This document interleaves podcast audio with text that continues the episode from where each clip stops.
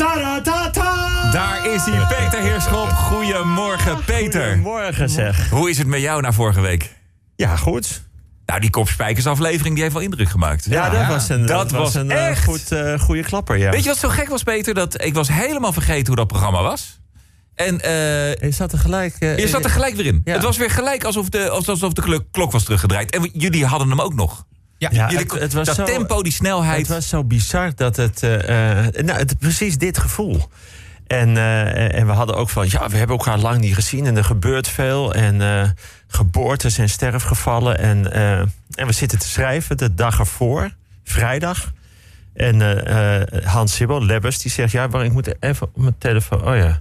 Oh, oh mijn vader is overleden. Ach, nee. Dus moet je nagaan dat je.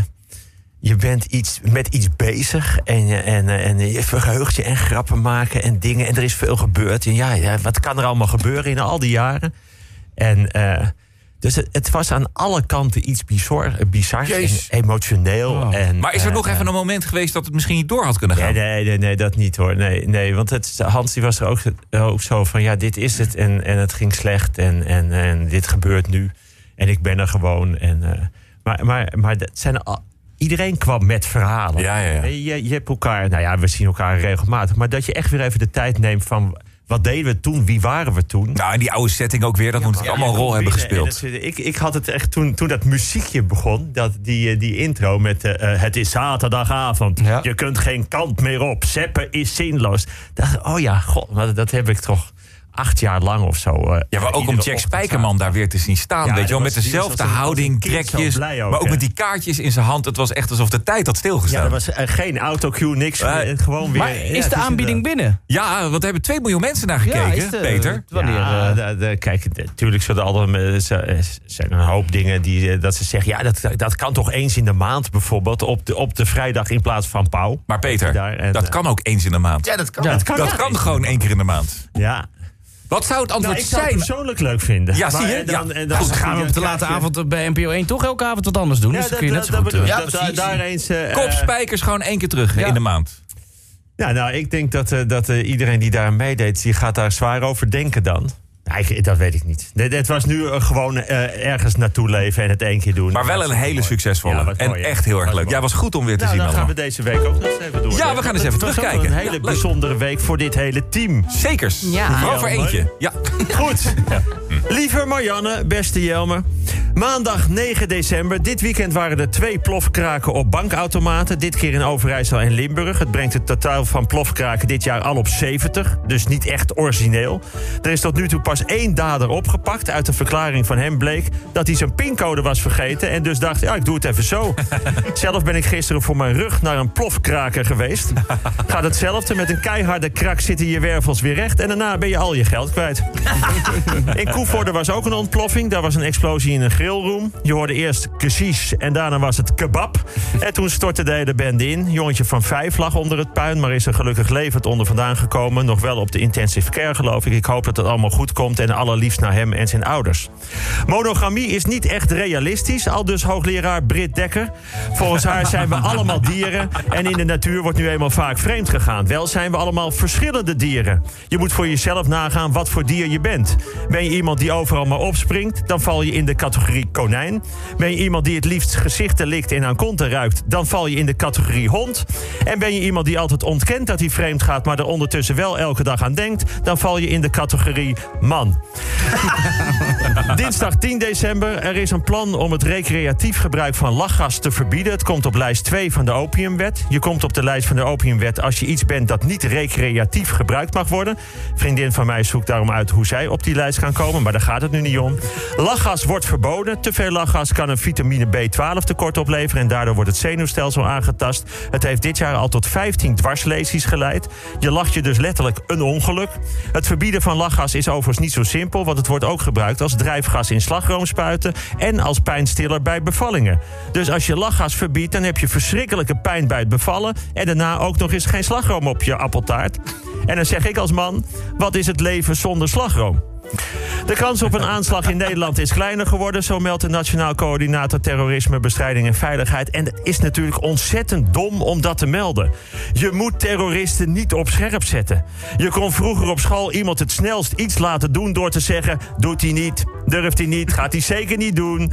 Dan wist je bijna zeker dat hij het wel gaat doen. Je moet niet zeggen dat de kans op een aanslag kleiner is. Daar fok je slappe terroristen mee. Die zitten lekker thuis met een lachgasballonnetje en tackle in elkaar te draaien. Zijn totaal relaxed, kunnen hun benen niet meer bewegen van het lachen. Maar die horen opeens, ze plegen veel minder aanslagen. Doen ze niet, durven ze niet, snap je? Dan is het opeens overal van kebab.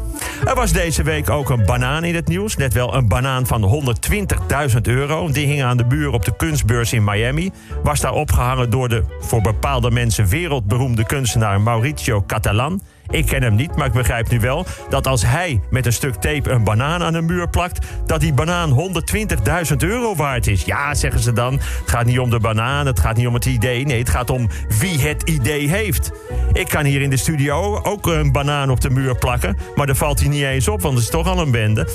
Als Mauricio Catalan een banaan laat zien, dan krijgt hij 120.000 euro. Als Marco Kroon zijn banaan laat zien, krijgt hij een taakstraf van 100 uur. Kortom, het is allemaal ontzettend krom. Woensdag 11 december.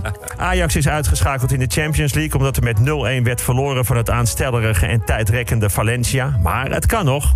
Ik denk dat de conservatieven van Boris Johnson morgen... een mega-overwinning gaan halen in de verkiezingen. Dan komt de brexit, gaat Engeland uit de Europese Unie... en er moeten ook Chelsea, Liverpool, Tottenham en Manchester City uit Europa. En dan mogen de beste nummers drie uit de pool weer door. Is dat krampachtig? Ja, maar ik mag toch wat proberen.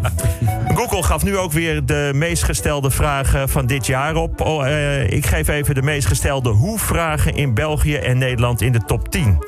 In de top 10 van België staan onder andere... hoe lang moet je asperges koken en hoe oud wordt een kip? Je ziet, het gaat in België echt over existentiële vragen. In de top 10 van hoe-vragen in Nederland staan... hoe moet je zoenen en hoe kan je zwanger worden? Kortom, Belgen weten meer van zwanger worden... maar Nederlanders weten zonder op te zoeken hoe oud een kip wordt.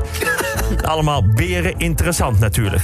Donderdag 12 december, ja, veel over de Belastingdienst. Je weet wel over die kinderopvangtoeslagenaffaire. Gedupeerden van de hele zaak kregen een dossier ter inzage... dat vrijwel helemaal zwart gelakt was. Weet je, het zijn bij die afdeling van de belastingen allemaal...